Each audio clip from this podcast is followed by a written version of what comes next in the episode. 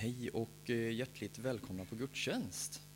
Vad fantastiskt att eh, börja fylla på och eh, hela den här biten. Vi trängs lite mera, det är skönt att se.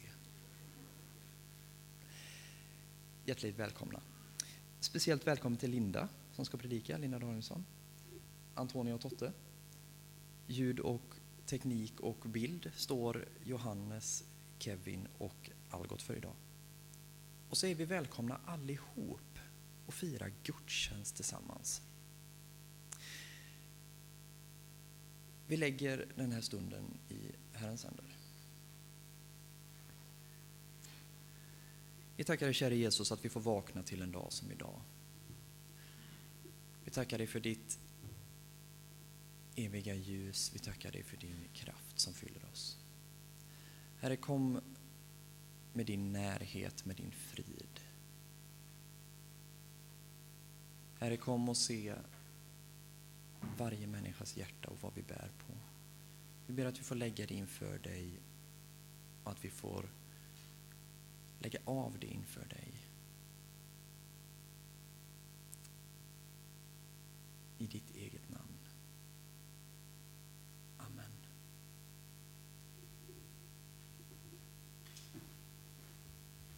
fortsätter i en bön som eh, ni kanske känner igen och då får ni jättegärna vara med i den.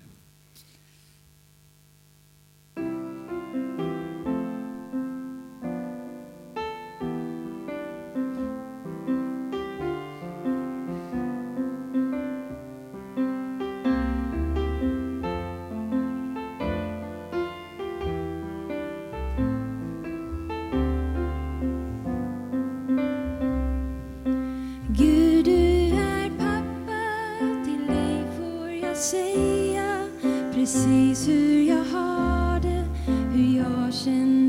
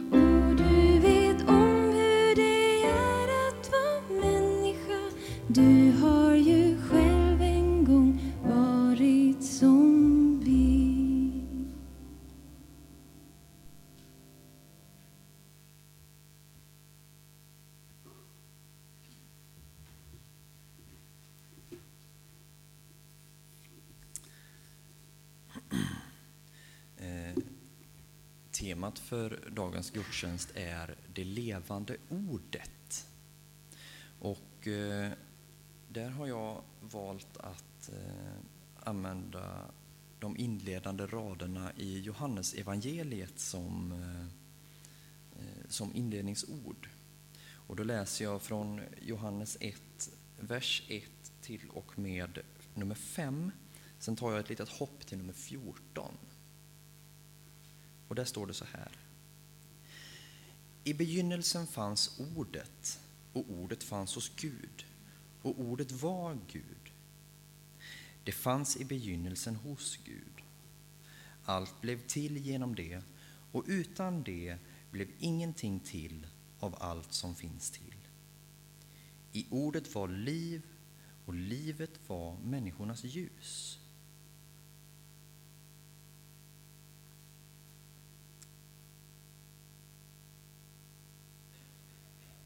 Ja, Precis.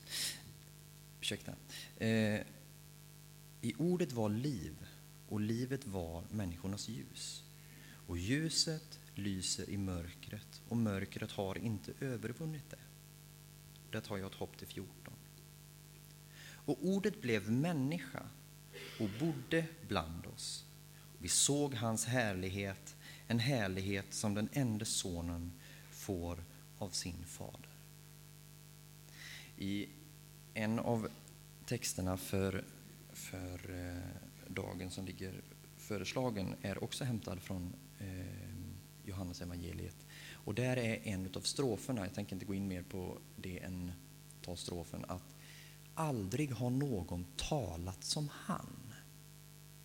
Och det tror jag de flesta av oss som kan på något vis eh, relatera till att aldrig har vi upplevt en kraft, en närhet som den som finns i Herrens närhet.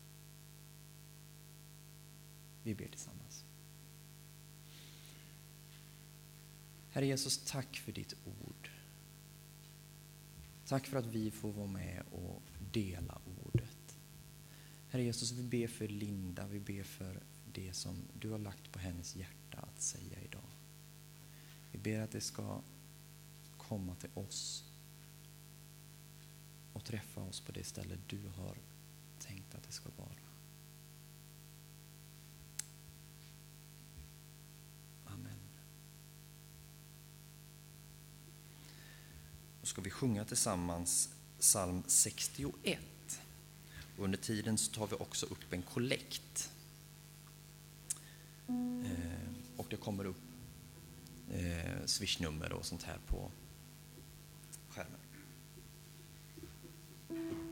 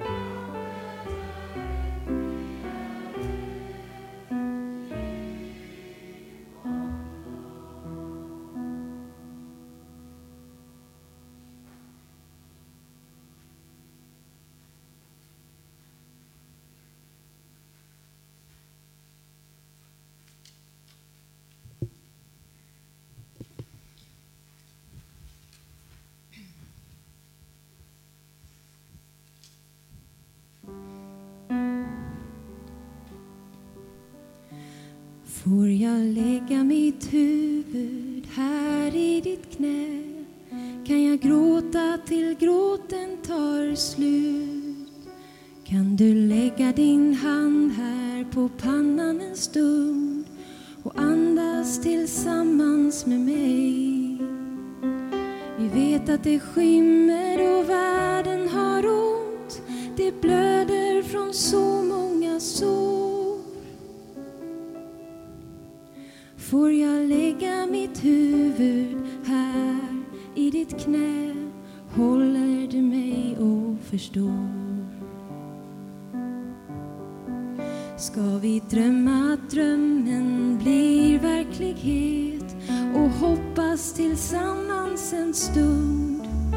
Hur ska vi annars kunna orka igen?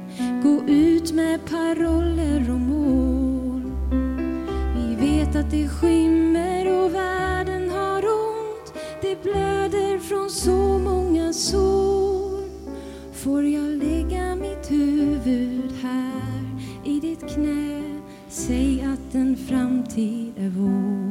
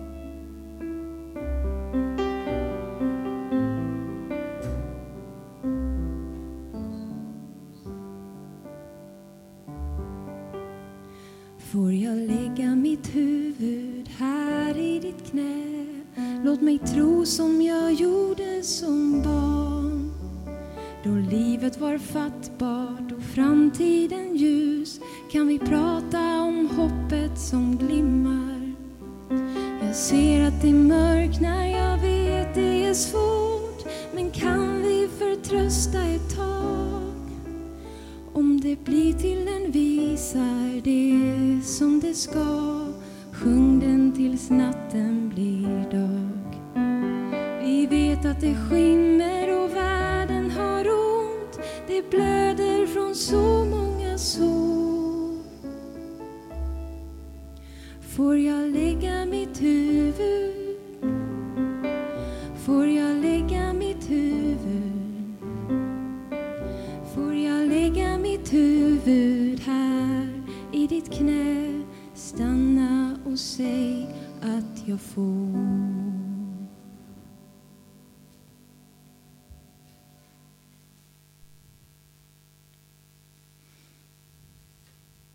Vi ska få fortsätta med en sång till och eh, den tror jag att ni känner igen om än i lite annan melodi och ni får väldigt gärna vara med och sjunga med i de ord ni kan.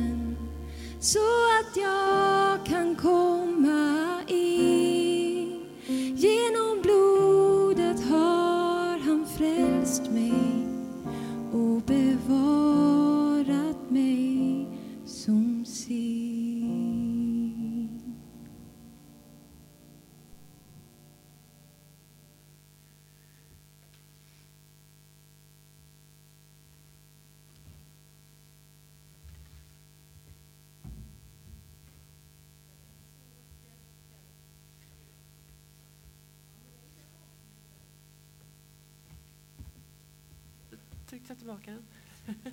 Nu är jag på. Ja, vad fint att få komma hit och vad roligt att se er alla. Vi gläds åt fullare kyrka nu och det är med glädje som vi går till Guds hus på ett annat sätt nu än vi har gjort nu under ett, ett och ett halvt år. Så det är många av oss som gläds med det.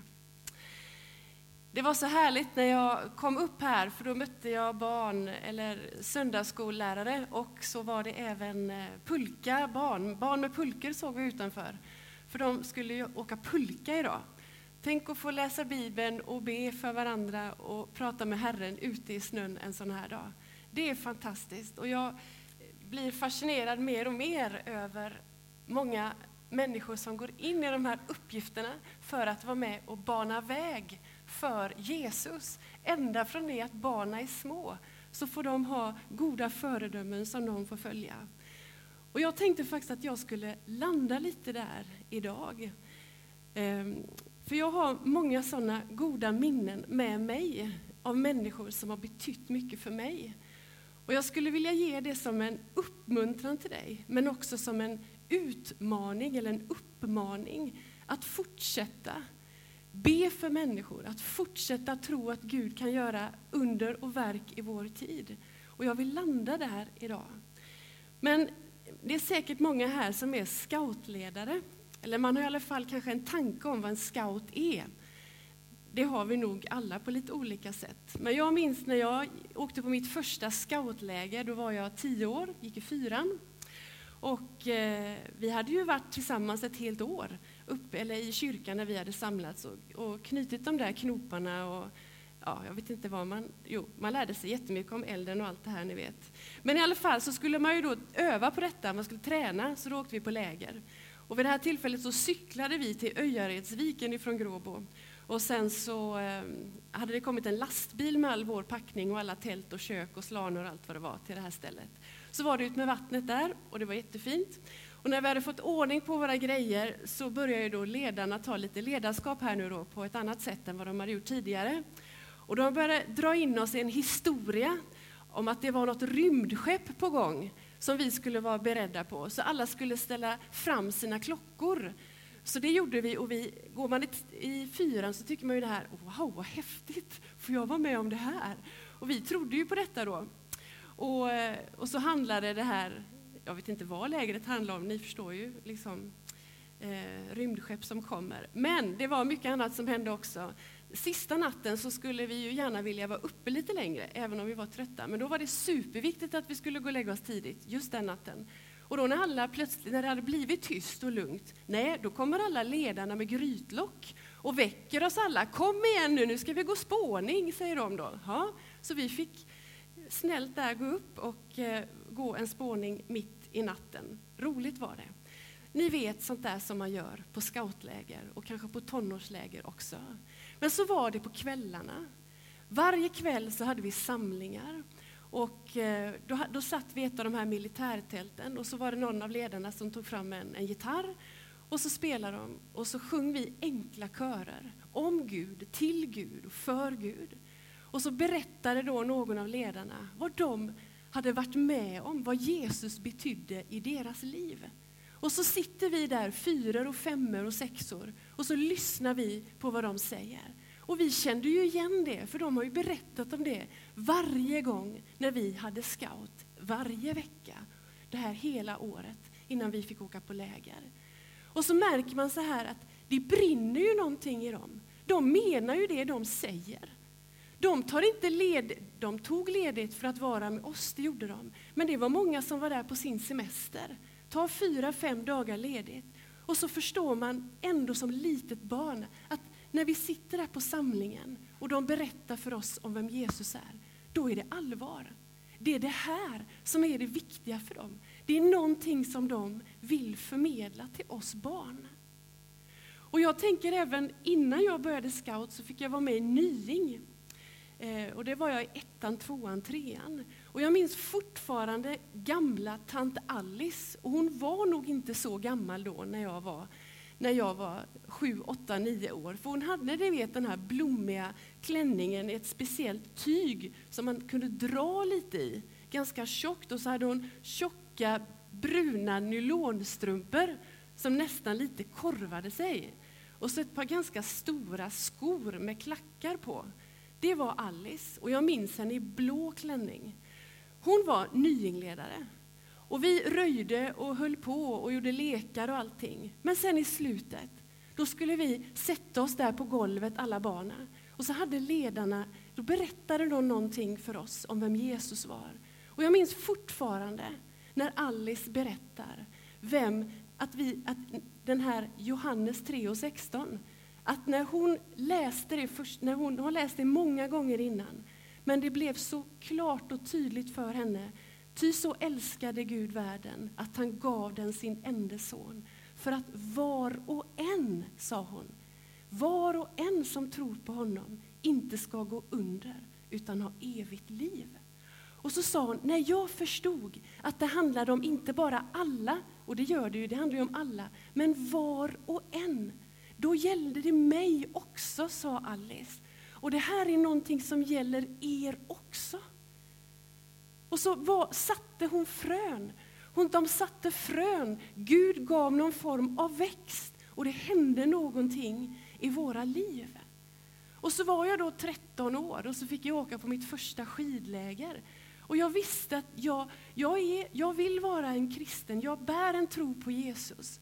Men jag fick säga mitt ja till honom. Det var en ungdomsledare där som jag bad skulle be för mig. Är det någon som vill säga ja till Jesus ikväll? Och då kände jag, men jag vill det. Det var ingen omvändelse från det ena till det andra. Men jag fick säga ett ja till honom. Och då har det varit människor som har gått före och banat väg in i mitt lilla barnahjärta eller ungdomshjärta. Och jag tänker, det brann en eld hos de här. Det brann en eld i Alice, det brann en eld hos mina tonårsledare. För de ville ge mig någonting som de hade. De ville att det skulle slå rot i mitt hjärta, att Jesus skulle få komma in där. Och jag tänker på där, vi, där jag är uppväxt i Gråbo. Det var ju inte en kyrka där från första början såklart, för det har ju vuxit fram. Utan det var ju människor som samlades. De bad, de blev drabbade av Guds ord. Och de bad för och med varandra. Och det var några bröder som satt vid Mjörns strand och bad och läste ordet. Och så hände det någonting i dem. Och fler kom till. Och sen fick man bygga ett missionshus. Och sen så växte det. Och där vi bor nu, i Hulla, det, det är skrämmande att läsa historien, för det var så urfattigt. Det, folk spelade kort hit och dit och man spelade bort. Och det, jag vet, jag har pratat med någon, jag, jag, jag sköt ekorrar, sa han, för att tjäna några ören som vi kunde ha och köpa förnödenheter hemma. Och det var mycket superier, eh, oerhört mycket, tragiska historier. Och så var det en som blev drabbad av Jesus. I vårt, där vi bor så kallas han för Jurskamjölnan. Han kommer från djur, tror jag. Och han fick då ett möte med Jesus. Och han höll på med hembränt. Hemma hos sig också har jag också hört det berättas. Men han fick ju lägga ner allt detta. Alltså byn och folk kom på fötter igen.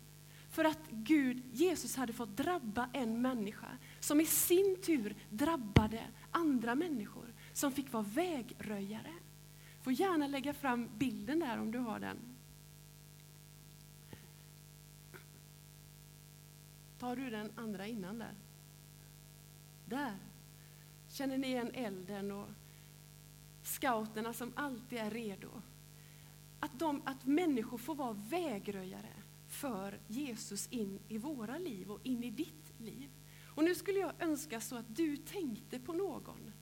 Du kanske ännu inte är troende, jag vet inte det. Men har du någon som du, som du tänker på nu, som den människan har betytt faktiskt någonting för mig. När hon eller han berättar om vem Jesus var. Tänk på någon i ditt liv.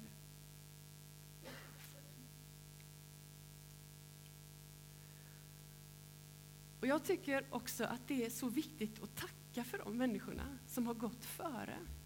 Jag är väldigt tacksam för de som jag har haft omkring mig, som har fått bana väg för mig på olika sätt.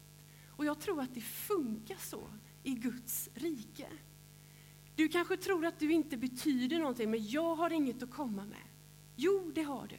För är du bärare, bor Jesus i ditt hjärta, så får vi vara med och på olika sätt röja vägen för Jesus där vi finns. Vi tar nästa bild. Jag skulle vilja ta med dig till, ett, eh, till en händelse. Det är ungefär 2000 år sedan. Det sker vid Jordans mynning. Där finns då en man som heter Johannes. Han är märklig, säger många. Han är klädd i kamelhår, han äter vildhonung och han äter till och med gräshoppor, vilket vi säkert kommer göra här i framtiden också. Men han finns där och han har varit tyst väldigt länge. Han, har, han bodde i öknen, han gick ut ganska tidigt i öknen. Men sen bara de sista åren av hans liv så blev han offentlig. Han hade föräldrar som hette Sakarias och Elisabet. Och Sakarias han var en präst och han fick dra lotten en gång och gå in och tända rökelsealtaret i det stora templet. Och när han var där inne så mötte han ängeln Gabriel.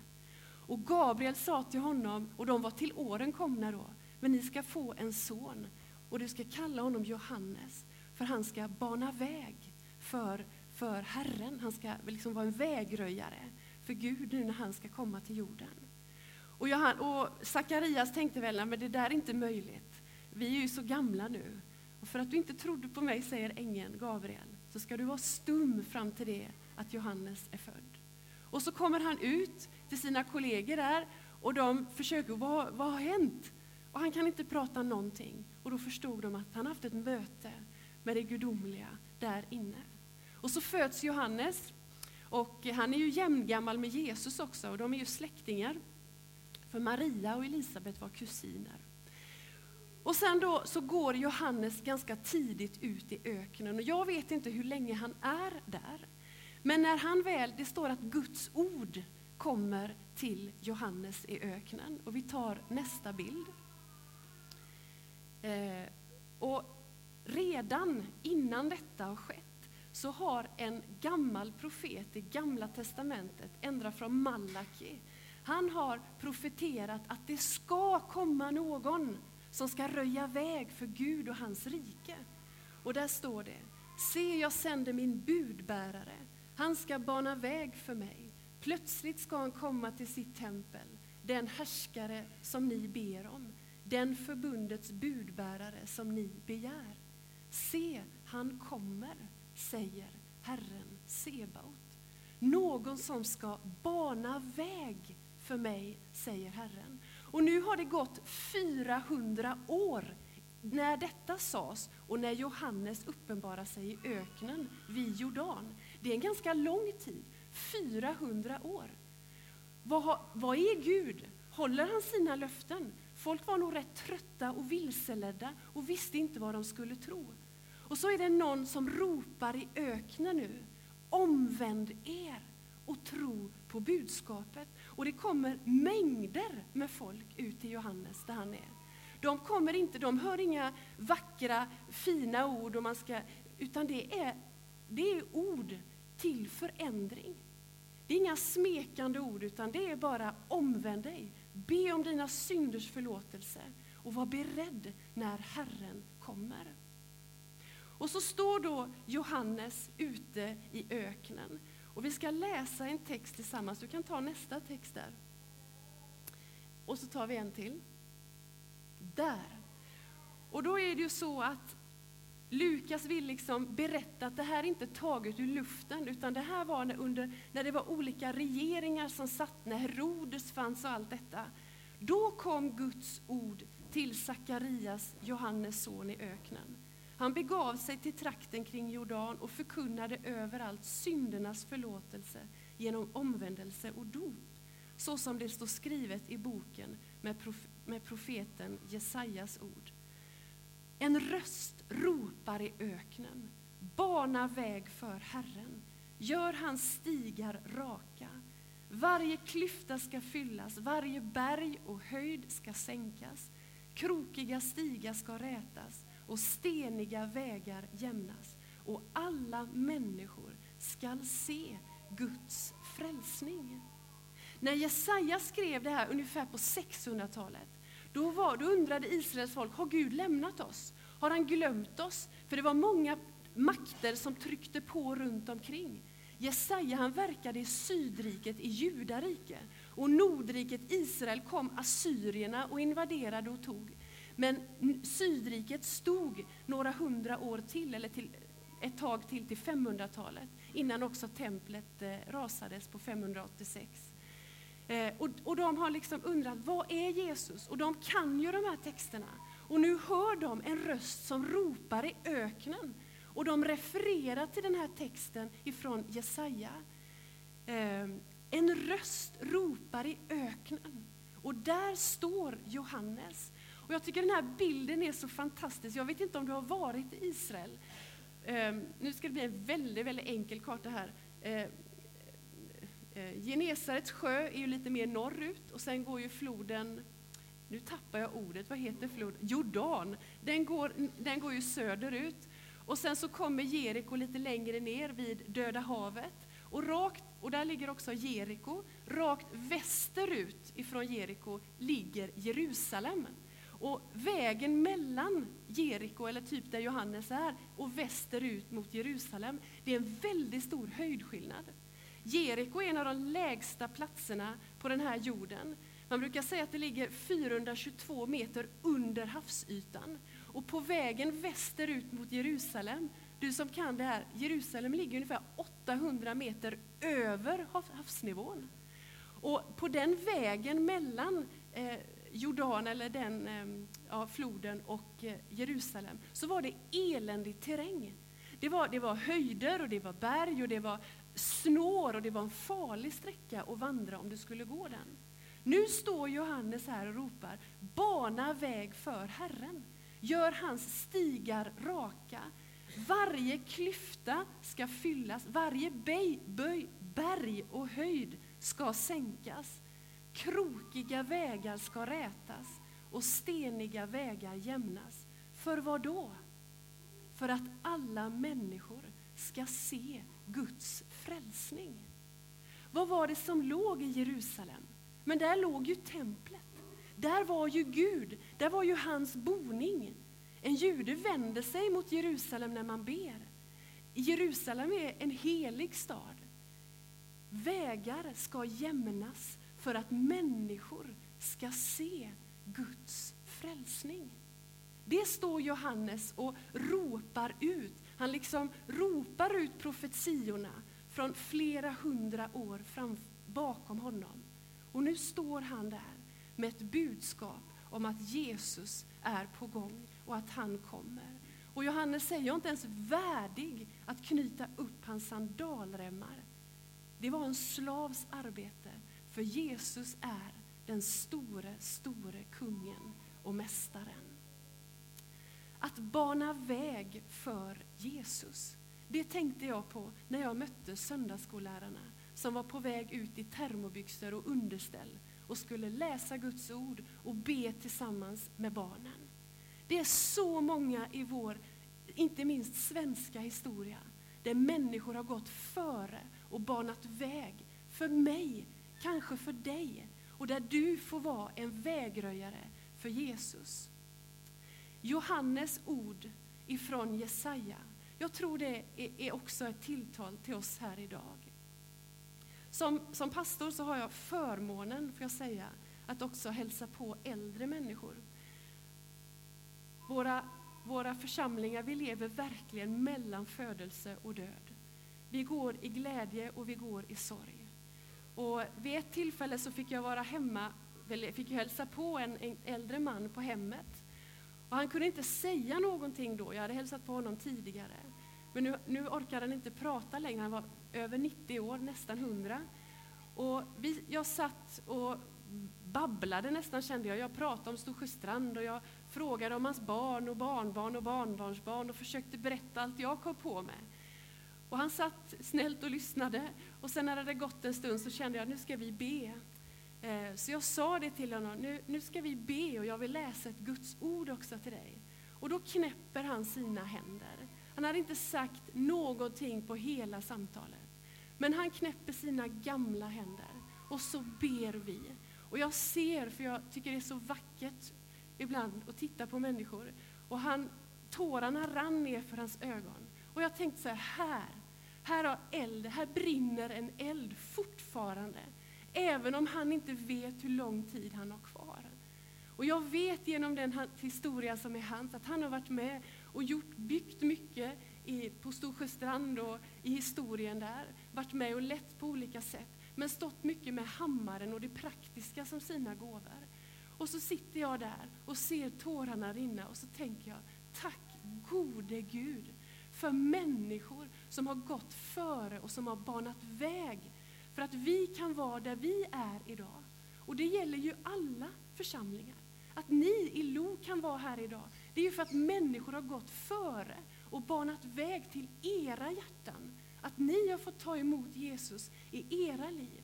Och nu står vi också med en stafettpinne att vilja föra detta vidare till nya generationer. Till de som kommer efter oss, till våra grannar, där vi finns på våra arbetsplatser. Min pappa berättar ibland historier för mig och jag är så, jag är så tacksam att jag får höra dem. Hans mormor bodde hos dem eh, i Gråbo då, eller utanför Gråbo. De var bönder, hela bunten. Och, eh, hon kom för övrigt från Herrljung, eller från, eh, jo, från Äggvena, så jag har lite kontakter där borta. Och, eh, hon bodde där och när pappa berättade att hon bad varje dag. Hon låg på sina knän vid sin säng och så bad hon för ja, allt möjligt, men han minns att hon bad för barn och barnbarn väldigt tydligt. Och en gång när pappa kom hem från scouterna så ställde han cykeln mot eh, eh, väggen och så gick han förbi det rummet där mormor var. Och då såg han att hon låg på sina knän och hörde att hon bad för människor och för sina barn och barnbarn. Och jag tänker, där är också en kvinna som har fått bana väg för Gud. Inte genom kanske att vara den som ropar högst ut på barrikaderna, utan få genom sina knäppta händer och böjda knän få vara med och bana väg för Jesus. Och jag skulle bara vilja nämna det, bönen. Jag tror att bönen är så viktig. Du som känner att du kanske, men jag har inget att komma med än.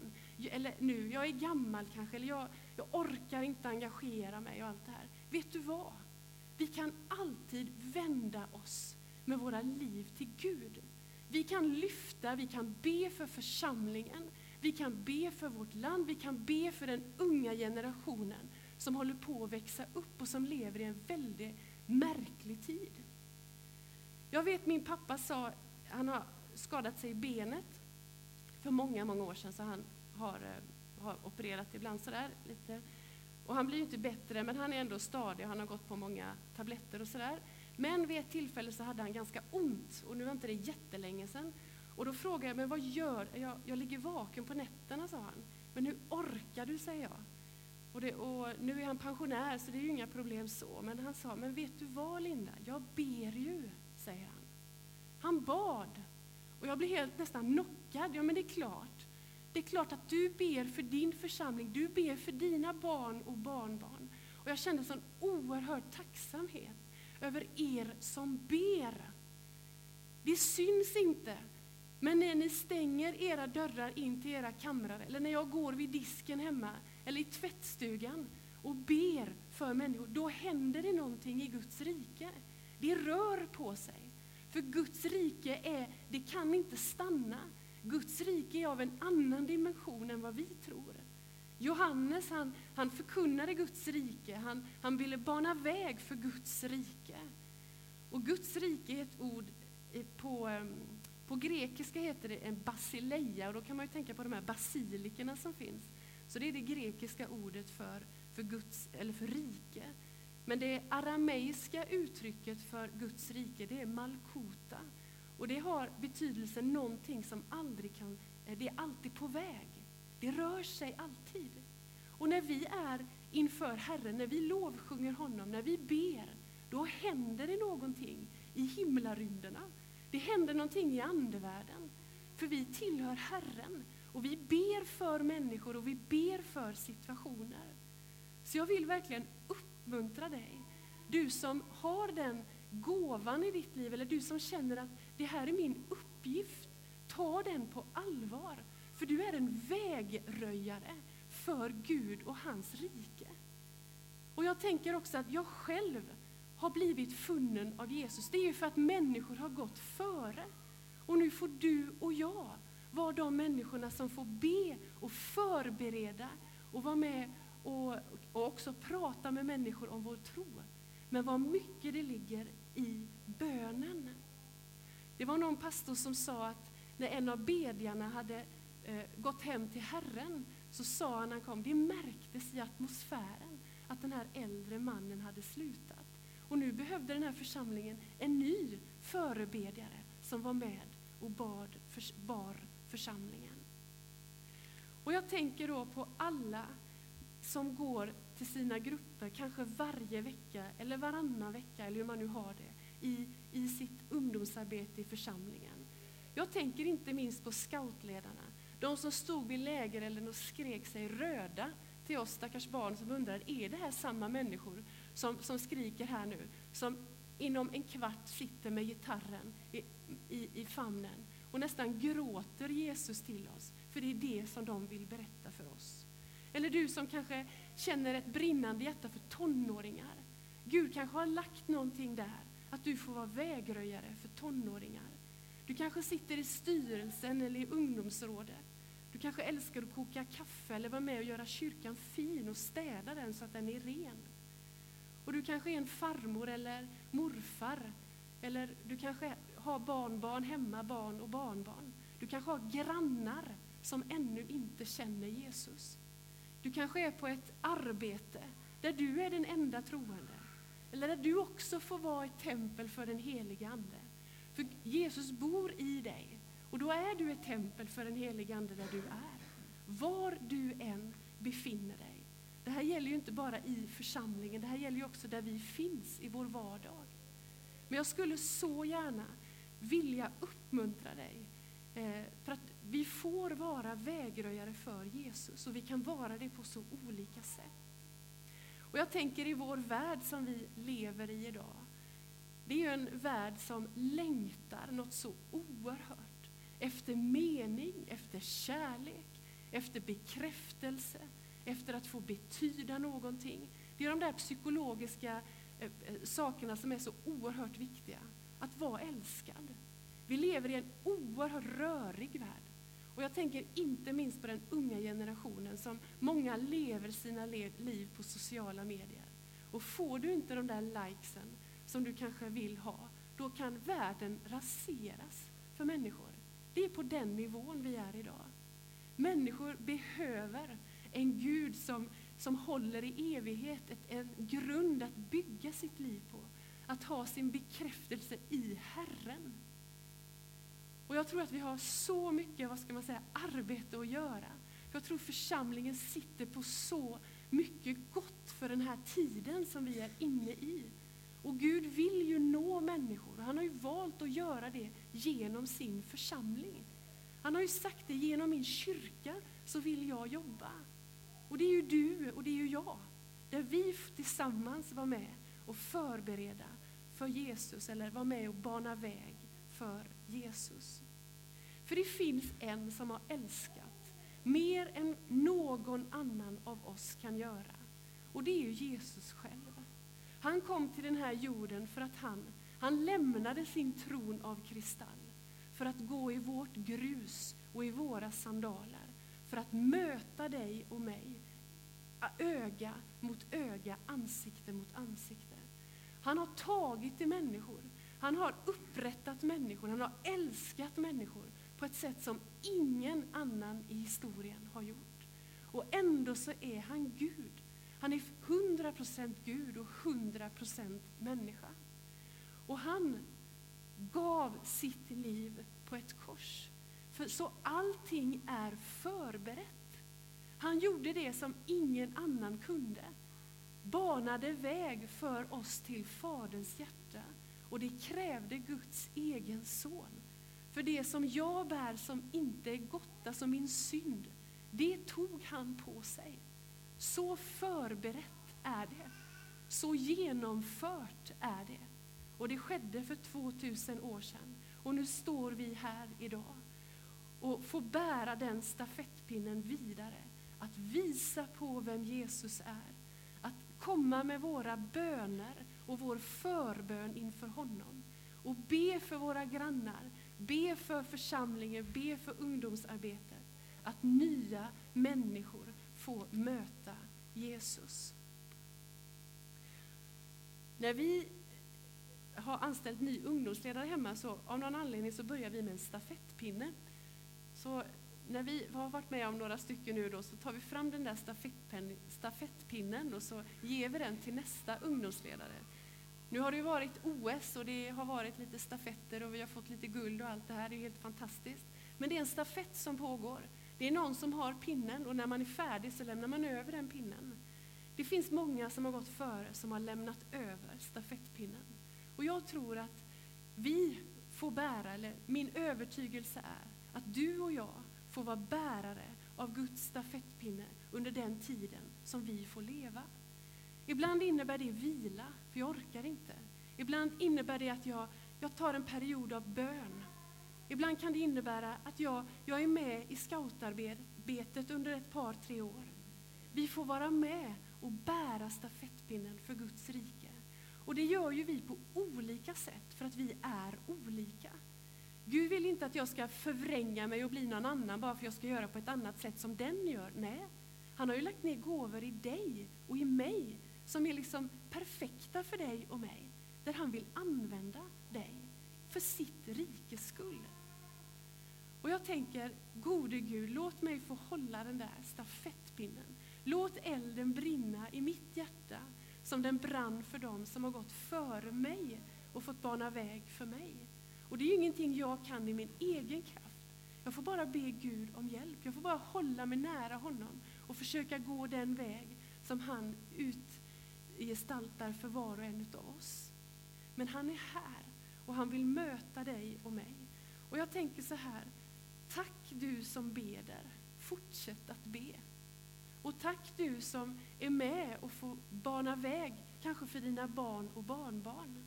Och där du finns på ditt arbete och kanske i någon aktivitet i kyrkan. Du är mer vägröjare än vad du tror. Ibland tänker jag så här, undrar om det undrar vem jag skulle, om jag får träffa, när jag får träffa de här som har gått före mig i himlen. Tack för att du sa det där bibelordet till mig när jag gick i trean. Det kan vara en sån liten sak. Men det är det vi får minnas, det är det som gjorde att fröet såts. Det är det som gjorde att det fick växt. Gud ger ju växten, men vi kan vara med och så på olika sätt. Nu ber vi. Jesus, tack för att du är här. Tack helige Ande att du, du är här. Herre, tack för de sånger vi har fått höra, att vi får vila i dig. Och tack också för att människor har gått före och banat väg för våra liv till dig, Herre. Tack att du är den gode guden, du är den gode heden. Och du älskar oss, du älskar när vi kommer till dig. Tack för den här församlingen. Tack för vad allt den har fått betyda genom historien och får betyda nu. Att de håller stafettpinnen för ditt rikes skull.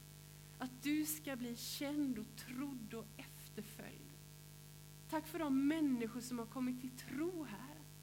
Tack för de människor som den här församlingen har sänt vidare i olika tjänster. Och tack för de frön som har såtts här. Som kanske, inte, som kanske växer men som inte församlingen ser. Men som kanske har betytt oerhört mycket för människor som har varit i kontakt med församlingen. Herre, tack att vi får vara dina vägröjare. Men vi också, du bor också i oss. Du helig Ande, du vill inte bo i vackra slott och fina kapell, utan du vill bo i varje människohjärta. Där har du ditt hem. Och genom dig, med dig, så får vi gå och möta människor. Herre, tack för den som beder. Och jag ber att du ska kanske än mer förtydliga den kallelsen. Att det är så viktigt att vi lyfter varandra i bön inför dig. Att få vara vägröjare också i det tysta. Tack för den här stunden och tack att vi nu får vara en stund inför ditt ansikte. Nu ska snart Emanuel introducera hur, bön och lovsång här. Men, och jag vet att det finns en ljusbärare här. Tänd gärna ett ljus för något som du ber för eller något som du längtar efter. Och jag tänker att jag står där längst nere vid dörren. Och är det så att du bara vill att någon ska be välsignelsen över dig, så gör jag gärna det. För ibland kan det vara skönt att det här gällde mig, eller jag vill, jag vill be för människor, eller jag vill ha olika människor som jag ber för. Att bara få välsignelsen bädd över dig, så finns jag där om du önskar det.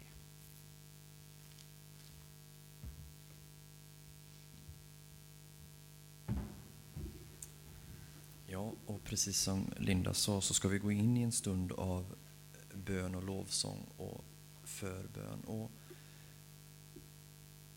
ta gärna tillfället, tänd ett ljus, rör er i lokalen. Linda finns här nere. Vi sjunger lovsånger tillsammans. Eh, psalmnumren kommer upp. Och så är vi inför Herren. Lite extra speciellt nu, den här stunden.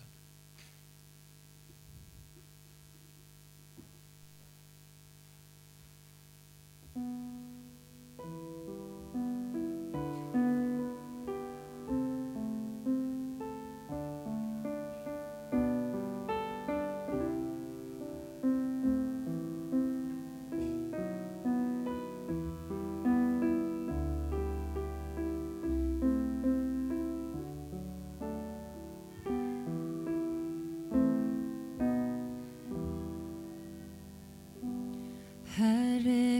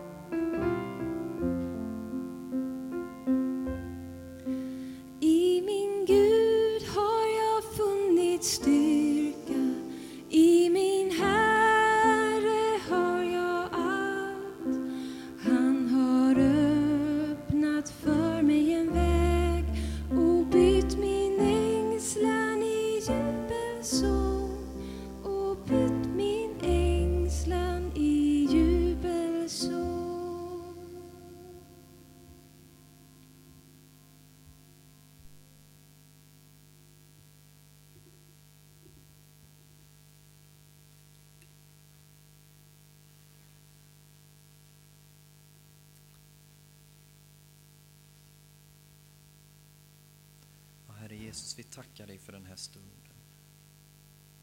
Vi tackar dig för din närhet, Herre Jesus. Vi tackar dig för, din, för ditt ljus, för din kraft.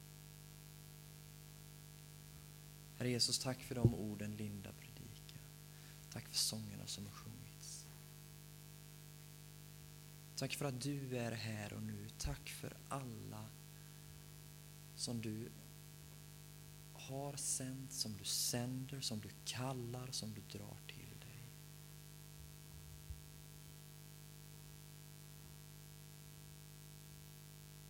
Herre Jesus, kom.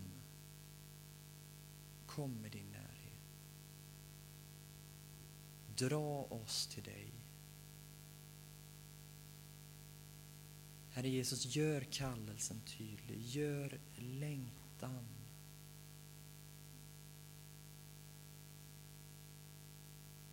Ge oss styrka, ge oss kraft, ge oss mod att våga gå din väg. Våga vara den vi ska vara där vi är. För dig. För det finns så många i vårt samhälle, i vår närhet, i vår bygd som längtar som söker, som... Ja. Och det är så många i vårt samhälle som söker, som längtar. Herre, ge oss modet. Herre, ge oss friden att stå rakryggade att få som Johannes ropa ditt ord i öknen. Herre Jesus, Herre Jesus. Du ser varje människas hjärta här, Herre Jesus. Du ser varje bön som har betts. Du ser alla människor vi tänker på i vår närhet, i vår bygd, i vårt land, i vår värld. Du ser ljusen, Herre Jesus, som är tända som en symbol.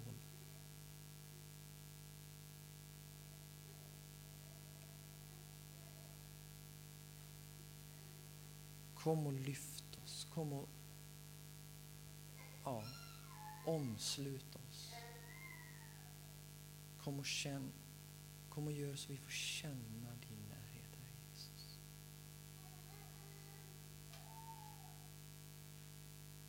Vi lägger oss, oss själva, församlingen, bygden, hela vårt land, hela vår värld i dina händer,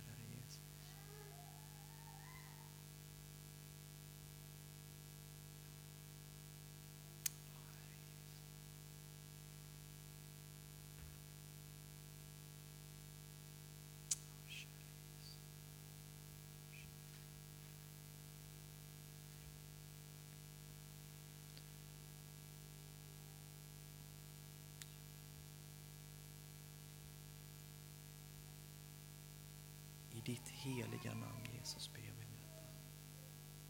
Amen. Amen. Amen.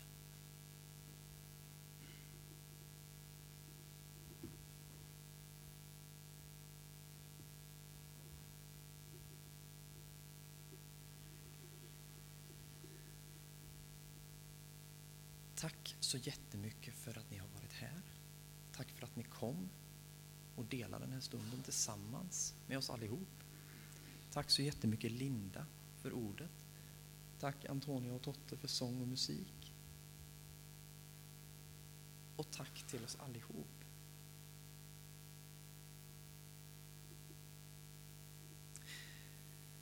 Innan vi slutar så ska jag extra pålysa några grejer som, som ehm, jag har blivit ombedd och tillsagd. Och då ska jag extra påminna att på tisdag klockan 18 så är det symöte. Eh, och så ska jag påminna om den här personlighetens upprättelse som kommer. Det ligger lappar nere i, eh, i eh, ja, innanför dörren nere. Eh, jag tror att det är, dags, det är dags att anmäla sig till det. Efter här idag så kommer vi få fortsätta dela gemenskap och äntligen så är det dags för skorpan igen. Visst är det fantastiskt? Men finns det ett där? Det finns ett men. Det finns en lista där nere som är till för att fyllas i och det är en, eh, ett krav för att vi ska kunna ha skorpa för att eh, den är tom. Så fyll i, för annars får vi inget kaffe mera. Så är det. Och som sagt, tack för att ni kom. Vi ska sjunga tillsammans eh, psalm 37 som avslut. Eh, sista versen sitter en liten stjärna framför och då står vi upp tillsammans. Och när sången är slut så står vi kvar, så ska Linda leda oss i välsignelse.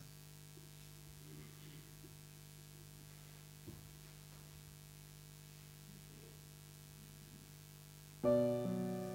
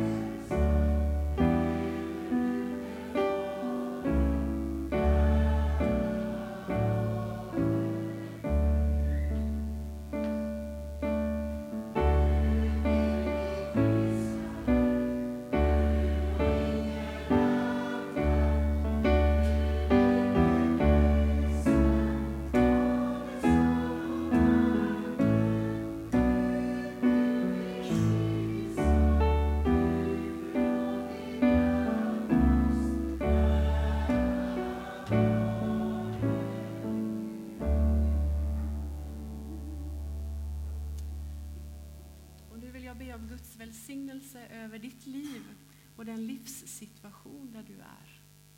Herren välsigne dig och bevara dig.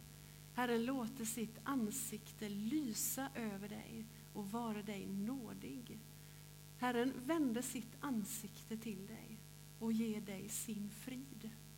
I Faderns och Sonens och den helige Andes namn. Amen.